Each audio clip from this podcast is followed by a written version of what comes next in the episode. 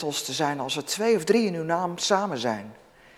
Gelukkig zijn we met meer en verbonden met velen. Wil uw armen om ons heen slaan zoals we hier zijn. We kunnen elkaar gelukkig weer begroeten in uw naam.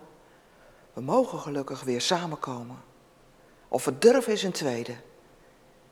Nog steeds heerst, zo zeggen we dan corona's, heersen als een terreur in ons midden.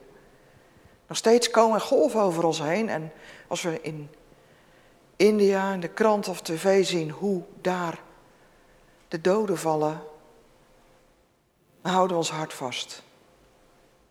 Heer, ontferm u over deze wereld. Ontferm u over India, Brazilië, de landen waar het zo erg is en de zorg zo weinig gegeven kan worden, waar alles tekort is.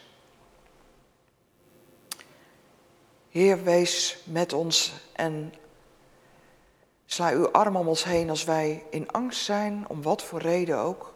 Om onze gezondheid, of om onze kinderen, of om andere redenen die we van elkaar ook soms niet kennen. U ziet alles, u bent bij ons. Ontferm u. En wil onze schuld vergeven, omdat wij elke keer weer vergeten naar uw regels te leven en meer naar onszelf kijken dan naar u. Niet respecteren wat u voor ons hebt bedoeld, dat we voor uw schepping zouden zorgen. Ons als tuinmannen en vrouwen daarvoor zouden inspannen, daar ons zouden geven. Maar elke keer weer benutten we alleen alles wat naar ons toe komt voor onszelf. Wil ons dat vergeven en ons daaruit bevrijden. We hebben uw vrijheid, bevrijding zo hard nodig, want we kunnen onszelf niet aan onze haren uit het moeras trekken. Vergeef ons, bevrijd ons, God. Zo bidden we u. Heer, ontferm u. Amen.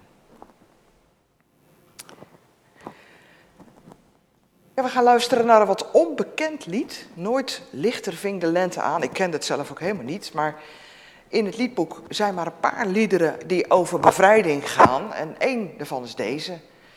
En die wordt voor ons gezongen. Dus nou ja, we kunnen er eens misschien ook weer eentje bij leren.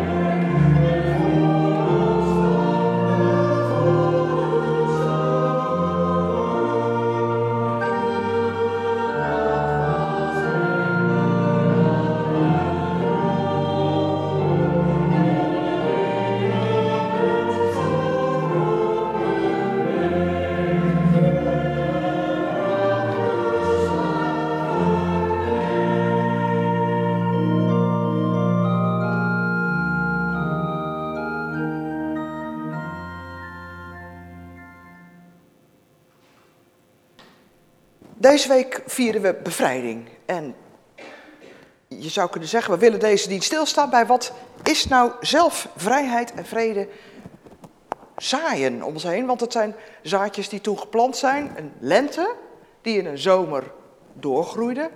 En voor heel veel mensen was het direct na de oorlog al een desillusie wat er voor Nederland herrees. Maar voor ons betekent dus de vraag, hoe houd je vrijheid, wat vrijheid ten diepste is, scherp? En vooral, wie zaait er nu angst en terreur en wie bevrijdt? We horen natuurlijk na 80 jaar nog steeds spannende verhalen over de oorlog, over verzet. We zien nog steeds films, we lezen uh, boeken over de oorlog. Het lijkt net alsof dat nooit ophoudt en onverminderd ja, mensen fascineert en, en in de ban houdt. En verhalen worden nog steeds verteld. We gaan straks naar het verhaal van Tom Hensen luisteren. Maar gaat het om de heldenverhalen of ligt daar de vraag voor ons achter wie was nou eigenlijk degene die angst zaaide en mensen in de ban hield, in de greep? Wie bevrijdde er? Er gingen veel mensen op de vlucht, evacuaties, daar gaat Tons verhaal straks ook over. Want Ton is opgegroeid in een gezin dat uit Elden, nu Arnhem, eerst naar het zuiden vluchtte, naar Angeren.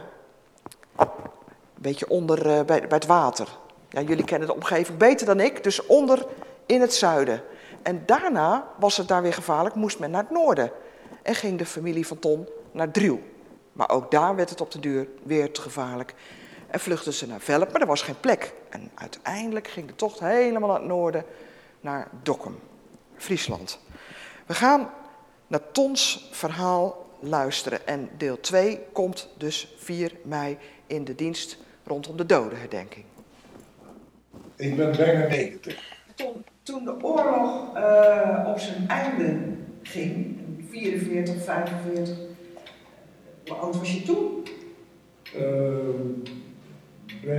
14, bijna 14. Waar woonden jullie in die tijd? Ja, dat is eigenlijk uh, plaatsje Elden, is een beetje uh, een kleine gemeenschap op zich. Oud water?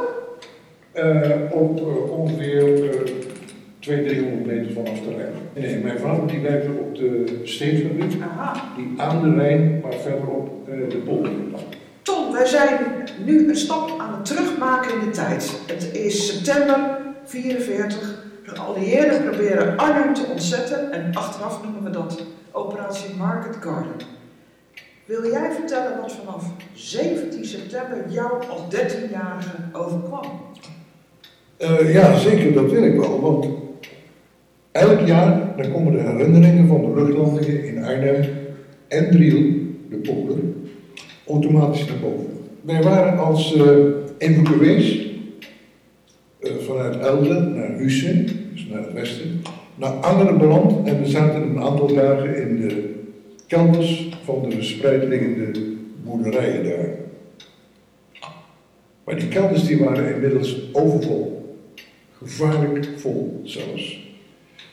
En mijn vader riep een paar vroegere buurtbewoners bij elkaar en stelde voor om de oorspronkelijke groep, zoals wij uit Oude kwamen, terug te gaan naar de steenfabriek aan de Rijn De kamers van die steenfabriek die zijn granaatveilig en bovendien woont er de meeste familie, op zijn minst kennissen, terwijl we in Angeren niemand kenden.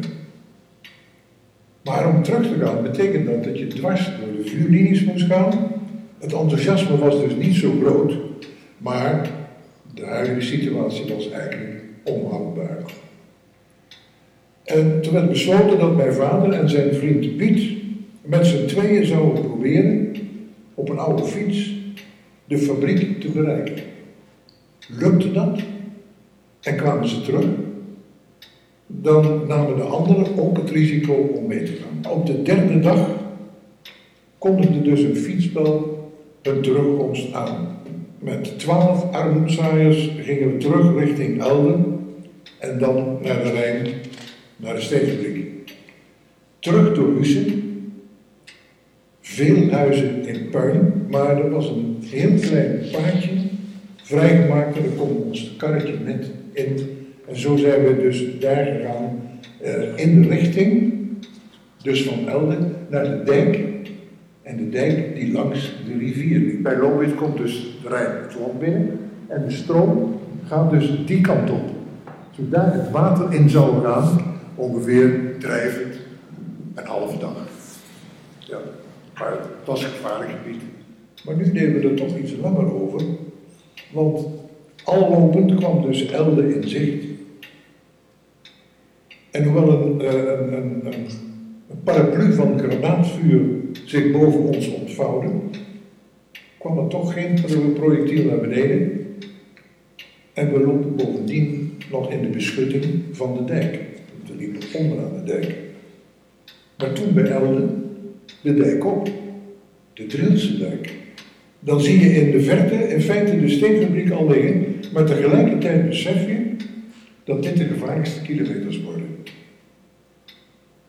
Zeker als je naar mijn vader en oom Piet kijkt, die hebben daar dus hun, in hun pionierstocht ook duidelijk angst voor gekregen.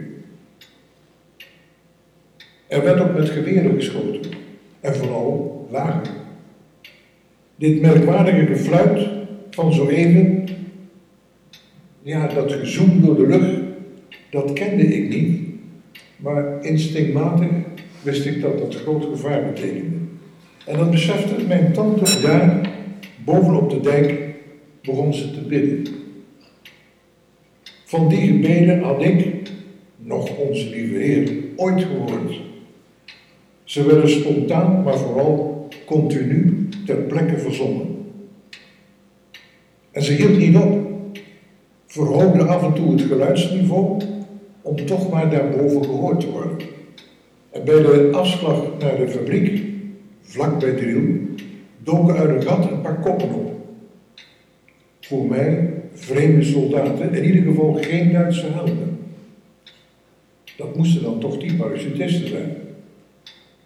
We konden ze ook niet verstaan, hoewel iedereen begreep dat ze ons van die dijk af wilden. Het risico was duidelijk voor ons en ook de verantwoording. Dus de dijk af naar de fabriek. Het weerzien op de fabriek was een ontroerend moment voor de ouderen. Ze kwamen thuis. En voor mij het terugzien van een aantal vrienden van dezelfde leeftijd.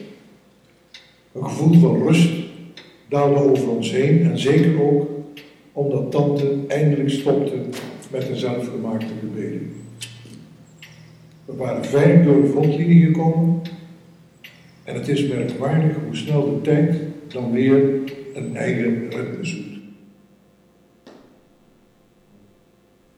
Tot zover Tons verhaal over de evacuatie, de spannende tocht. We gaan luisteren naar Tomo die met ons zal lezen uit Deuteronomium 4, vers 32 tot 40.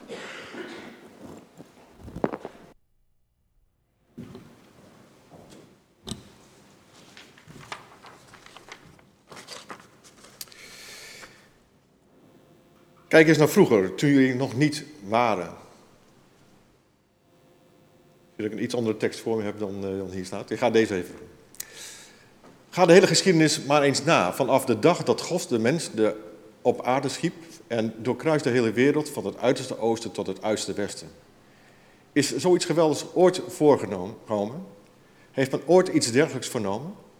Is er ooit een volk geweest dat, net als u, vanuit een vuur de stem van een God heeft gehoord en dat heeft overleefd? Is er ooit een God geweest die het heeft aangedurfd zich een volk toe te eigenen waarover een ander volk macht uitoefende? En die dat deed met grootste daden, met tekenen en wonderen en felle strijd, met sterke hand en opgeheven arm? En op een angstaanjagende wijze, zoals u met eigen ogen de Heer, uw God, in Egypte hebt zien doen? U bent er getuige van geweest opdat u zou beseffen dat de Heer de enige God is. Er is geen andere naast hem. Vanuit de hemel heeft hij zijn stem laten horen om u op te voeden. En op aarde heeft hij u dat grote vuur laten zien en vanuit het vuur zijn geboden bekendgemaakt. De Heer heeft uw voorouders liefgehad en hun nageslacht uitgekozen. En hij zelf heeft u met zijn grote macht uit Egypte bevrijd. En terwille van u volken verdreven die groter en machtiger waren dan u, om u hun land binnen te leiden en het, en het u in eigendom te geven. In eigendom zoals dat nu gebeurt. Wees u er daarom van bewust en laat goed tot u doordringen dat de Heer de enige God is, boven in de hemel en hier beneden op aarde. Een ander is er niet. Houd u altijd aan zijn wetten en geboden, zoals ik ze u vandaag geef. Dan zal het u en uw kinderen goed gaan en u zult lang mogen leven in het land dat de Heer, uw God, u zal geven.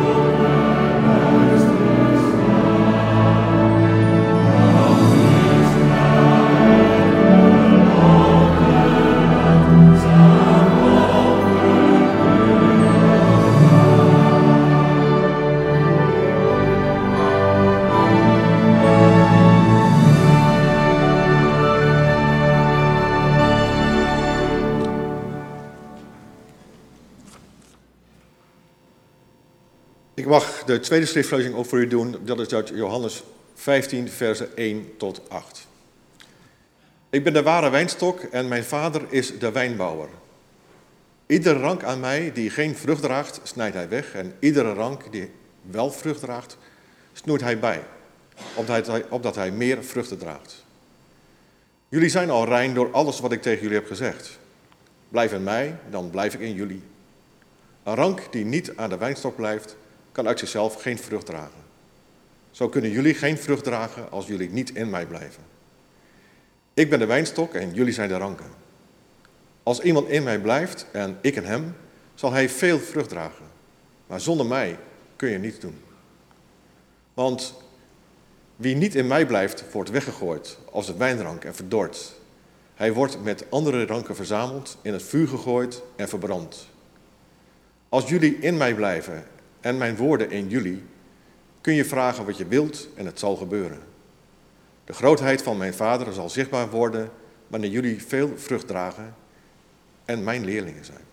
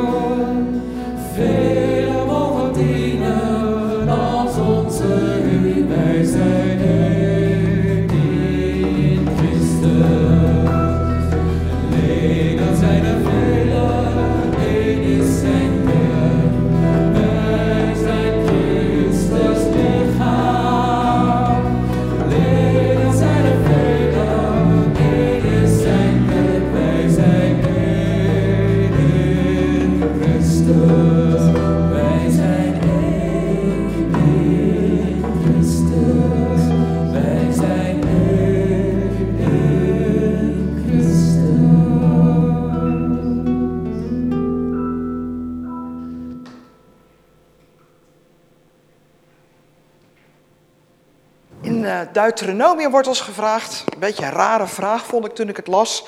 Is er ooit een volk geweest dat zo spectaculair uit de ban van een god of een vloek bevrijd is als Israël?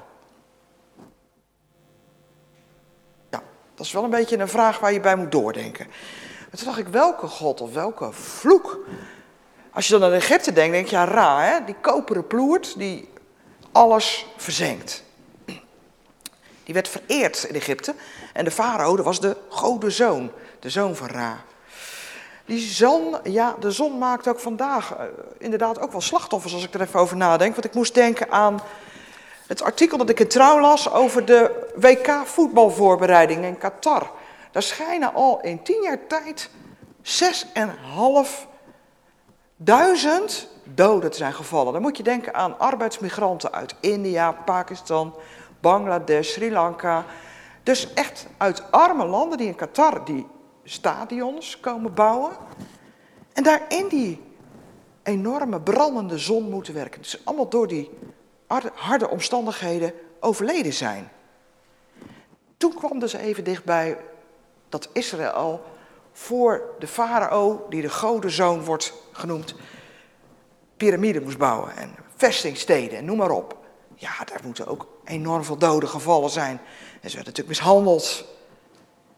Op zo'n manier hou je mensen wel klein en onder de knoet. Op zo'n manier hou je ze wel in de ban, onder een vloek, in de angst, terreur. Ja, dan denken we natuurlijk in deze dagen terug. Het is niet origineel, maar aan het nationaal socialisme. 80 jaar geleden. Wie van ons heeft dat ja, meegemaakt? Ik, ik kijk alleen nu naar Wim en Ali. Jullie, hè? kleine kinderen in feite nog. En Ton, een jongen van 13. Wie heeft dat nou meegemaakt? Ja, ik niet. De meeste van ons niet. En dan zeggen we, ja, we zijn bevrijd door de geallieerden, gelukkig. Nou ja, eigenlijk denk ik boven hun hoofden. Misschien zonder dat ze het zichzelf altijd realiseerden. Eigenlijk door God. Want hoe komt een mens ertoe om zijn eigen belang en zijn eigen hachie even aan de kant te zetten en te denken, ik ga die strijd aanbinden tegen het nationaal socialisme, tegen die angst en terreur zaaiende natie- en dwanggedachten, die obsessies die de naties bezighield. Hoe komt iemand ertoe om te zeggen, ik riskeer mijn leven voor een ander? Voor mensen die onderdrukt worden. Dat, daardoor worden mensen eigenlijk boven zichzelf uitgetild en ik denk, ja, dat kan alleen de God zijn. Zo komt in ieder geval voor mij en misschien ook voor u wat dichterbij dat Deuteronomium zegt, is er ooit een volk zo spectaculair bevrijd als Israël? Ik kan me daar dan iets, iets meer bij voorstellen, maar dan moeten we toch ook denken aan hoe Israël bevrijd is door tien enorme slagen over Egypte. En door die wonderlijke doortocht door de Schelfzee waarbij de zee droog viel. Israël zuchtte wel niet onder nationaal socialisme, maar het scheelde niet veel. Ook in Egypte gold natuurlijk het recht van de sterkste. In de Tweede Wereldoorlog was dat van, was je een zigeuner of een jood zonder land, dat telde je niet mee. Was je verstandelijk gehandicapt of psychiatrisch toch ziek, dan was je een zwak element. Het recht van de sterkte eiste dat alleen de ubermensch mocht blijven leven. Dat die het recht had om aan de macht te zijn en de rest te vertrappen. Homo's, joden, psychiatrische patiënten, zigeuners, alles werd afgevoerd, verstandelijk gehandicapten en vermoord. Maar Israël heeft dus in een vroeg stadium al gezucht onder die farao, die grootheidswaanzin had. En zo kan de zon een demon worden. Ja, nou, als je er zo over nadenkt en bij stilstaat, snappen we dat beter. En kan een mens een tiran worden. Een mens die denkt dat hij God is. Dat hij een ubermens is. En Israël is na de bevrijding uit Egypte naar dat beloofde land gegaan van vrijheid en overvloed. Maar al trekkend daar naartoe, in die maandenlange tocht, kwam toch de klat erin, het ongeloof, de lafheid. En eigenlijk verdween uit de herinnering wat God net had gedaan. En waarom God Israël bevrijd had. En kijken we nog even naar vers 37, dan zien we daar de reden. Dat is eigenlijk ook de kerntekst. De Heer heeft uw voorouders lief gehad en een nageslacht uitgekozen. En hij zelf, God, heeft u met zijn grote macht uit Egypte bevrijd. Uw voorouders lief gehad. En daarom heeft God hun nageslacht uitgekozen. Beseffen wij eigenlijk wel, als je er zo over nadenkt en we zitten in deze kapel, dat God ons dit heeft gegeven, ons voorgeslacht. Dat God die kerk aan ons heeft overgedragen, dat Hij eigenlijk ons de vrijheid heeft gegeven om samen te komen, om God hier aan te roepen, om hem voor Hem te zingen, om tot God te bidden. Dat God dat in zijn trouw generatie aan generatie aan generatie steeds maar aan ons heeft gegeven.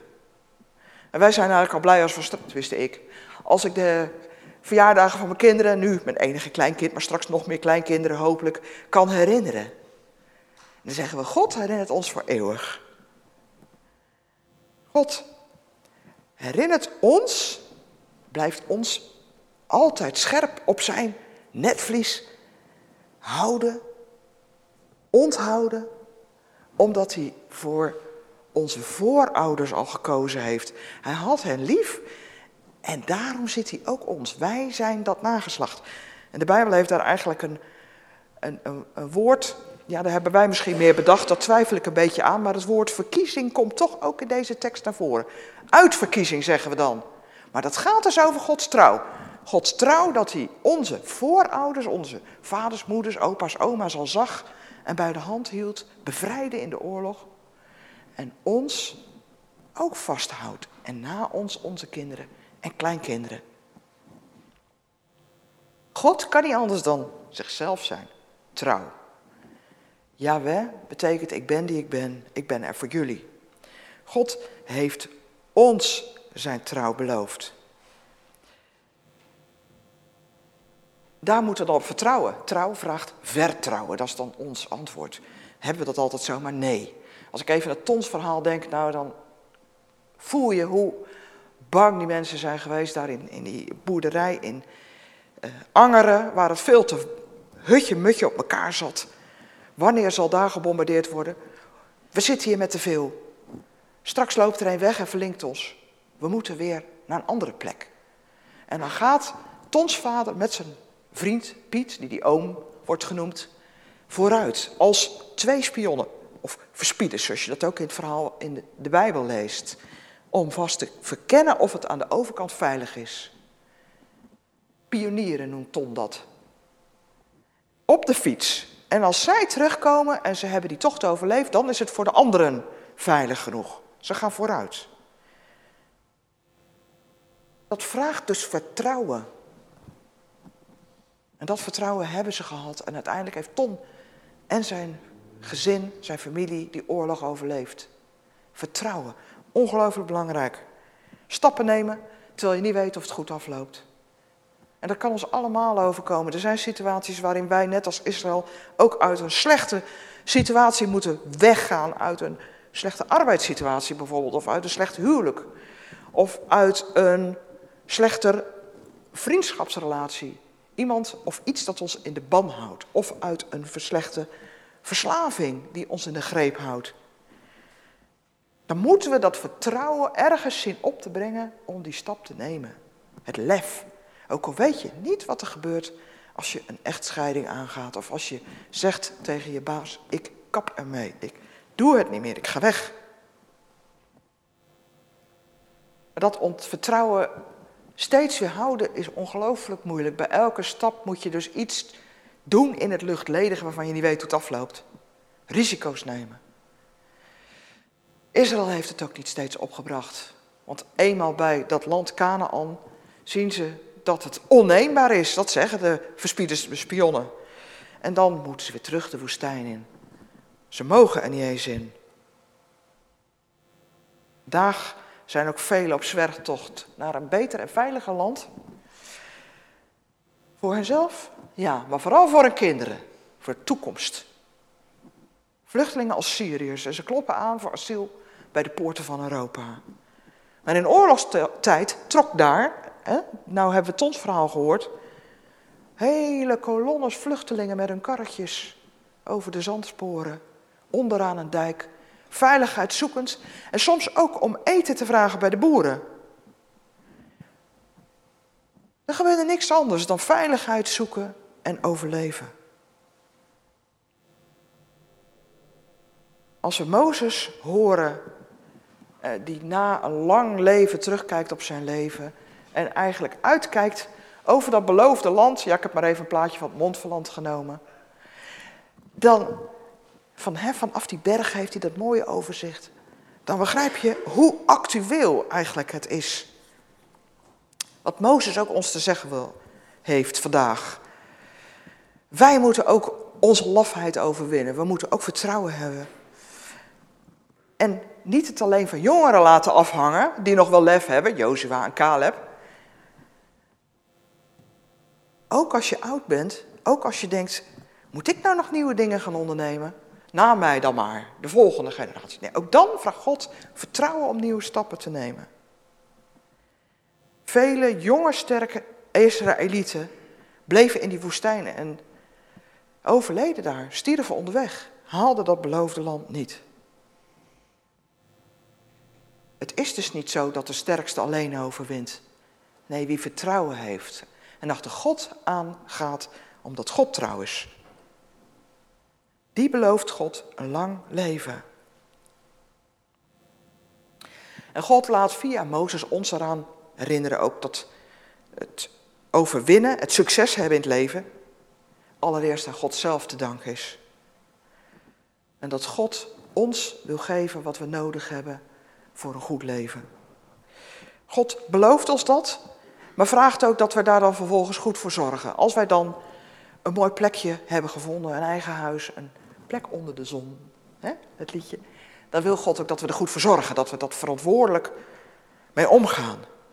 Niet om die grond, niet om de heb, maar om de aarde zelf en om elkaar, om het te delen, om elkaar mee te nemen. Niemand uit te buiten, niemand tot een werk- of seksobject te maken, niemand te ontmenselijken. God zegt steeds weer, pepert het ons in, de mens is een schepsel, geen nummer, de mens is geen object, maar je bent kind van God.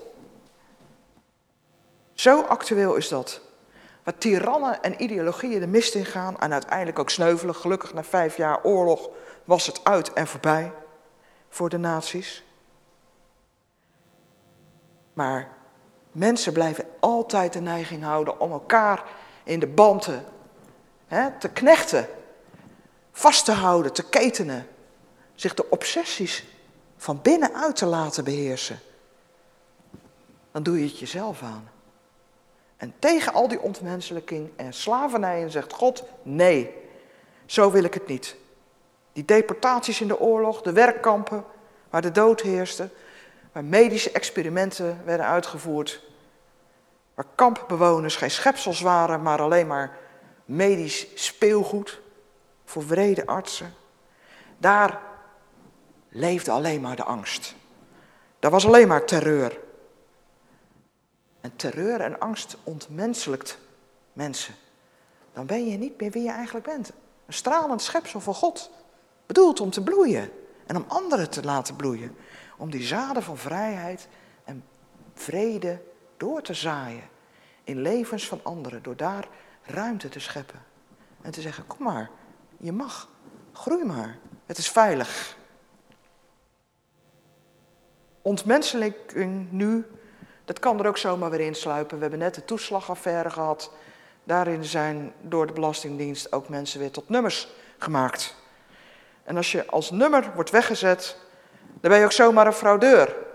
Dan komen de labels weer. Hè? Dan worden we weer beplakt. En dan komen de strafboetes. En dan gaat de vernietiging weer in gang.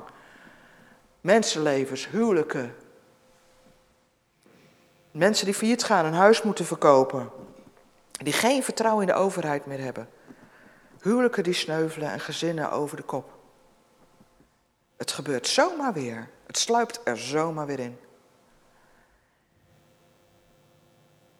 Het valt onder de definitie van een afgod om dus een mens in zijn greep te houden. Ra, de koperen ploert. Baal, de vruchtbaarheid. Denk maar aan elkaar tot een seksobject maken. Moloch, de god die mensenoffers, wat zeg ik, kinderoffers, vergde. Goden die alleen maar denken te kunnen regeren door angst te zaaien. En dan zegt God, nee, zo regeer ik niet. God is onze schepper en zegt, ik regeer door goedheid, rust, veiligheid. Daar zou je bij kunnen floreren. En wat doen we? We doen het elkaar gewoon weer aan. Het zit in onszelf.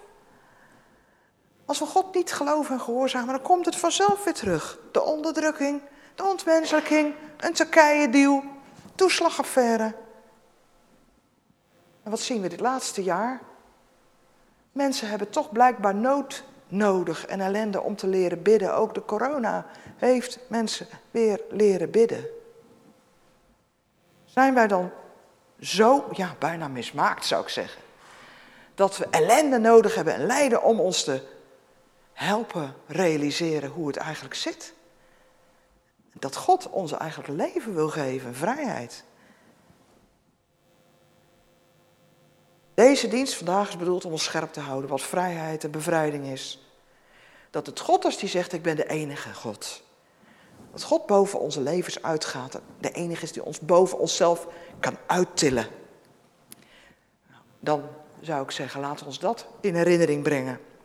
Als we ook deze week natuurlijk doden herdenken en bevrijding vieren, maar ook weer gewoon onze geldzaken doen, onze kinderen opvoeden. Als we onze mening weer laten horen en misschien wel petities online ondertekenen.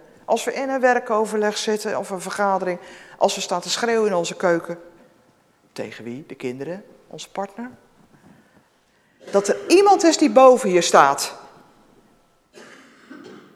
Kunnen we het eigenlijk wel verdragen dat er een liefdevolle vader is? Kunnen we zoveel liefde wel aan? Of is dat gewoon te veel van het goede voor ons? Best wel een prikkelende vraag. En vrijheid, we zijn er na 75, 76 jaar zo aan gewend dat we niet eens meer zien dat het een enorm cadeau is. Dat het God is die het ons gaf. We denken dat het ons recht is geworden. En dat onze vrijheid op een eigen mening en persoonlijke vrijheid, autonomie, dat dat ook ons recht is. Ons dikke vette ik, dat dat het voor het zeggen heeft. Niemand mag over ons zijn bek open doen. Dat beslis ik zelf wel. Maar hoe reëel is onze levenshouding? Als je het goed bekijkt. Zijn we baas over ons eigen leven? Bepalen wij waar we geboren worden, in welk land en of dat land in vrede of in oorlog verkeert? Bepalen wij in welke cultuur we opgroeien? Bepalen we of we ziek zijn of gezond? Of we gehandicapt geboren worden of anders? Er overkomt ons veel meer dan wij zelf kunnen bepalen. En dat ons veel meer overkomt dan wij zelf in de hand hebben, dat zetten wij zelf niet eventjes recht en naar onze hand. Ook al verbeelden we ons dat we dat dan uitbundig kunnen en willen doen. Jawel, ik ben die ik ben. Belooft dat als je God boven je leven zet, als je God de goede de macht geeft in jouw leven, dat je dan niet te pakken bent door een angstaanjagende onderdrukker en uitbuiter. Nee, dat je dan hoort en vertrouwen geeft aan die liefdevolle vader. Jou, met je kinderen, met je kleinkinderen. Dat je het dan goed mag hebben. Niet in jouw huis, of dat van de bank als het nog niet afgelost is, maar in Gods huis. In jouw, nee, in Gods veilige Nederland. In jouw plaatsduiven, nee, in Gods plaatsduiven. In Gods provincie Gelderland. Met jouw partner als je die hebt. Ja, maar die God jou heeft gegeven, die God aan jou toevertrouwde. Om je leven aan deze partner te wijden. Om elkaar te doen groeien. Niet jouw kinderen is jouw eigendom, maar Gods kinderen die hij jou toevertrouwde. Om aan jou te laten groeien. Naar God toe. En zo komen we bij Johannes 15. Dat lied. Lied, de vergelijking van Jezus over de wijngaard. Jezus laat zien dat hij de wijnstok is en wij de ranken. Wij kunnen geen wijnstokken zijn. Nee, dat redden we elke keer niet. Dan zijn we zo weer ontworteld. We hebben Jezus nodig om diep in Gods aarde te wortelen en om aan Hem te groeien. Want uit onszelf zetten we God aan de kant. Ik doe het zelf wel. Zijn er ooit mensen geweest die zelf de weg terugvonden naar God en die zelf zich bevrijden en een nieuw leven, groeiproces zich konden geven? Nou, we hebben Jezus nodig, zegt Jezus zelf. En God gaf hem ons, omdat niets anders in de hele geschiedenis doorhielp. Het was Gods laatste redmiddel. Dus we grijpen hem ook maar hard aan. God zegt strepen door, door alles wat we hierdoor verkeerd hebben geprobeerd. In hem mogen we een nieuwe kans grijpen. Als we het zelf konden vinden en als er bij de intratuin iets te koop was, waardoor we onszelf konden laten groeien en bloeien en alles vanzelf goed zou komen, een soort wondermiddel, nou dan zouden we nu allemaal naar de intratuin sputten en dat gaan kopen en afrekenen. Mag weer. Maar het bestaat niet. Het is er alleen in Jezus. En dat is zo moeilijk om een cadeau aan te nemen wat zegt, dit red je leven. We mogen al 2000 jaar groeien in Jezus. En de vraag die God je alleen stelt, is wil je. Durf je Hem het vertrouwen te geven? Durf je een nieuwe start te maken en opnieuw te gaan groeien? Vrij zijn in Hem. Vrij omdat je je vertrouwen durft en mag geven aan een liefdevolle Vader. Hoeveel mooier wil je het hebben in het leven? Deze week gaan we zomaar in en zo bevrijding vieren. Amen.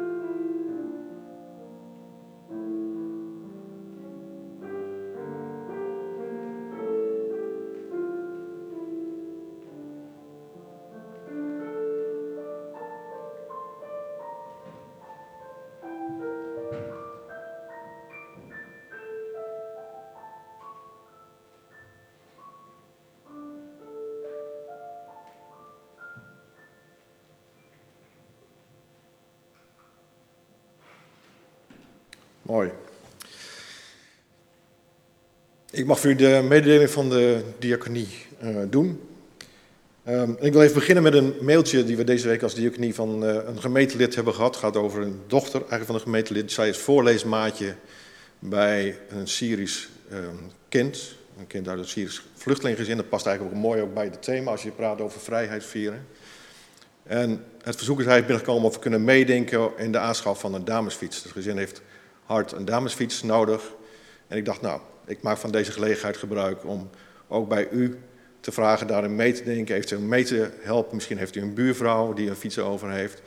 Misschien weet u iets anders, heeft u een andere tip. Dus als u iets weet waardoor we dit gezin kunnen helpen en nog meer de vrijheid kunnen laten genieten, om het zo maar te zeggen, um, neem dan contact op met ons als uh.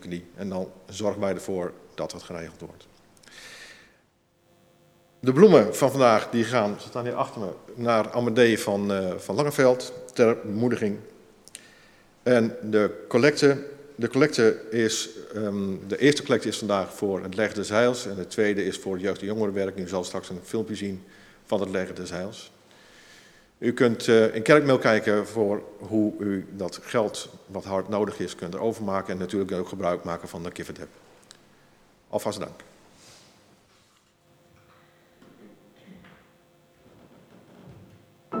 Dit is Tijmen. Zijn architectenbureau opent acht jaar geleden een tweede vestiging. Maar hij kan de druk niet aan.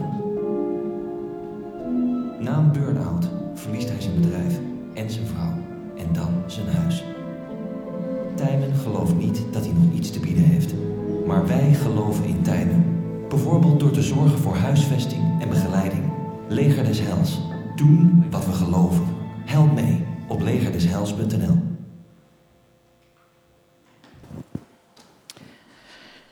Wij gaan met elkaar danken en bidden. En er is ook voorbeden gevraagd. Ik pak even het boek. We mogen hier voor de dienst altijd onze voorbeden in noteren. Het ligt achter in de kerk. Er is voorbeden gevraagd voor Inge en Nienke Rietvink, die allebei afgelopen week in het ziekenhuis zijn beland vanwege corona en met ook longklachten. Inge ligt nog steeds in het ziekenhuis, maar Nienke die mocht al gelukkig thuiskomen. Er is ook voorbeden gevraagd voor de, het volk van de Oeigoeren, een volk in China. Het zijn geen Chinezen, het is een oud volk. Maar omdat ze anders zijn, worden ze onderdrukt en opgesloten in kampen en ook daar echt mishandeld en uitgebuit, misbruikt. Het is een uh, verschrikkelijke situatie die tot nu toe ook nog ontoegankelijk is om daar wat met de internationale druk aan te doen. We zullen beide voorbeden meenemen en dan ook ons gebed afsluiten met het Onze Vader. Trouwe God en Vader, we mochten horen hoe u door de generaties heen Israël hebt vastgehouden, maar ook ons. En dat we alleen al in onze kapel mogen zien hoe we van generatie op generatie in uw hand zijn, veilig zijn bij u. Hoe u ter wille van onze voorouders, opa's, oma's, vaders en moeders, ook voor ons zorgt. Voor onze kinderen, kleinkinderen als die komen, achterkleinkinderen. U bent een God die zegt, ik ben er.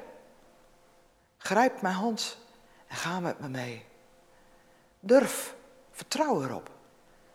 Dat ik niet alleen voor je uitga, maar ook achter je aankom. Dat ik onder je en boven je ben en zelfs in je wil komen wonen met mijn Heilige Geest. Zo willen we ook u vertrouwen, Vader, maar wilt u ook elke dag weer ons dat vertrouwen voeden en helpen op te brengen, te geven aan u. Zo onze relatie met u mag groeien, gaandeweg ons leven.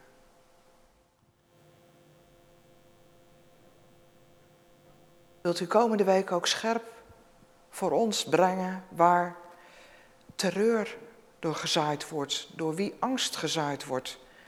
Dat we zelf in de gaten krijgen en voelen waardoor we eigenlijk bang gemaakt worden.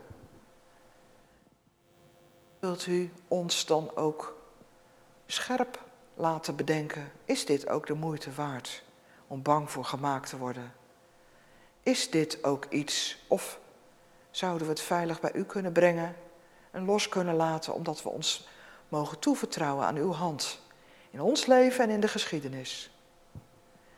En wilt u ons ook scherp deze week te binnen brengen van wie we bevrijding mogen verwachten? Wie bevrijdt ons? Wie bevrijdt ons elke dag? Wij bidden u voor Inge en Nienke Rietvink, die deze week tot hun schrik en de onze in het ziekenhuis belanden. Met ernstige krachten, klachten door corona. We danken u wel voor de medische zorg die er voor hen is en dat Nienke ook weer thuis mocht komen. Nog niet klachtenvrij en ze moet nog herstellen. Maar wilt u haar verder helpen opknappen? Wilt u ook Inge nabij zijn en omringen met uw zorg en liefde en nabijheid die u alleen een mens kunt laten voelen? Waar wij op veilige afstand moeten blijven. Zelfs geen kaartje mogen sturen, alleen een WhatsAppje. Want anders is het besmettelijk. Wilt u zijn met de families in Zuid-Limburg, waar twee coronapatiënten overleden die op beademing lagen, maar waar de elektriciteit uitviel? Wil hun families dragen? Wil zij met het volk van de Oeigoeren die in China onderdrukt worden, opgesloten in kampen, geconcentreerd in kampen, zoals dat netjes genoemd wordt. Wil bevrijding geven waar wij het niet kunnen, waar zelfs de internationale druk geen vat op heeft. Wilt u daar komen, Vader? Wilt u daar zijn? In stilte leggen we voor u neer waarvoor we nog niet gebeden hebben. En gebeden die in ons hart wel vragen om bij u gebracht te worden.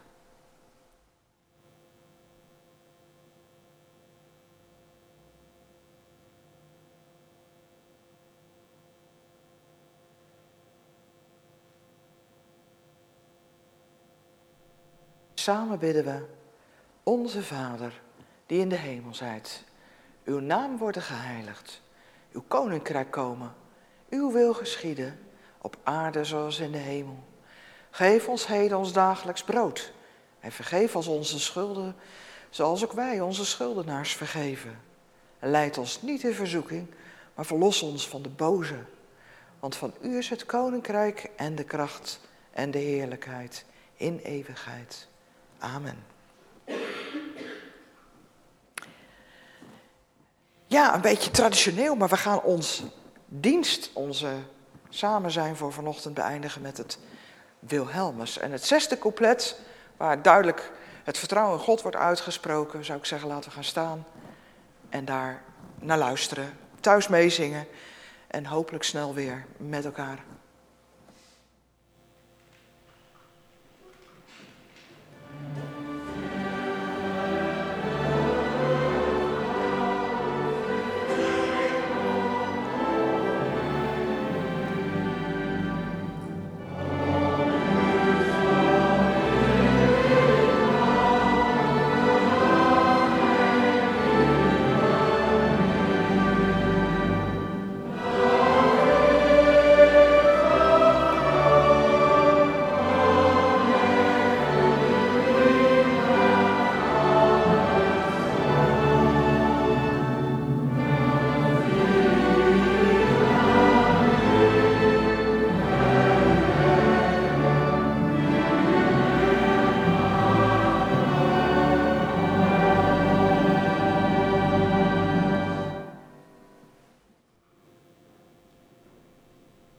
Zegen mee op deze mooie zonnige zondag. Het is misschien iets warm, maar de zon schijnt.